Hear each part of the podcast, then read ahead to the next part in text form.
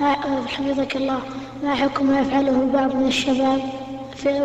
والإمام يصلي اللعب والكلام وإذا ركع الإمام أتوا يركضون.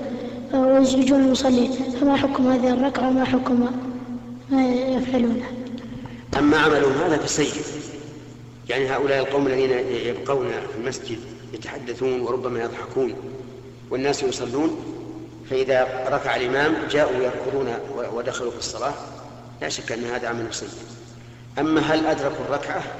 فنقول نعم هم أدركوا الركعة إذا كبروا الإحرام قياما ثم أدركوا الإمام في الركوع فقد أدركوا الركعة. لكنهم ينهون عن ذلك لما فيه من الأذية للمصلين والإعراض عن الصلاة والناس يصلون.